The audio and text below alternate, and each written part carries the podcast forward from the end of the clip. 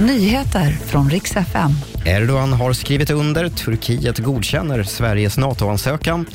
Och 25 år efter succén, nu ska svenska popgruppen återförenas.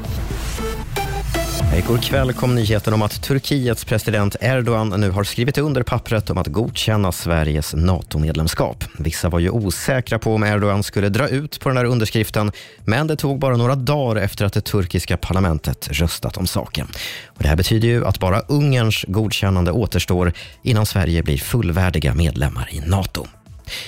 Trots högljudda protester från människorättsaktivister och FN så avrättades i natt den morddömde Kenneth Smith i delstaten Alabama i USA med en ny och tidigare otestad avrättningsmetod, nämligen med kvävgas. Processen tog 22 minuter och Smith dog alltså av akut syrebrist efter att ha andats in kvävgas genom en mask. Åsikterna kring den här avrättningsmetoden har gått isär. Vissa har kallat den för grym och tortyrliknande. Och sist ska jag berätta att popgruppen A-Teens ska återförenas om så bara för en kväll. De kommer nämligen dyka upp tillsammans som mellanakt i första mellodeltävlingen nästa helg. Det här rapporterar Expressen.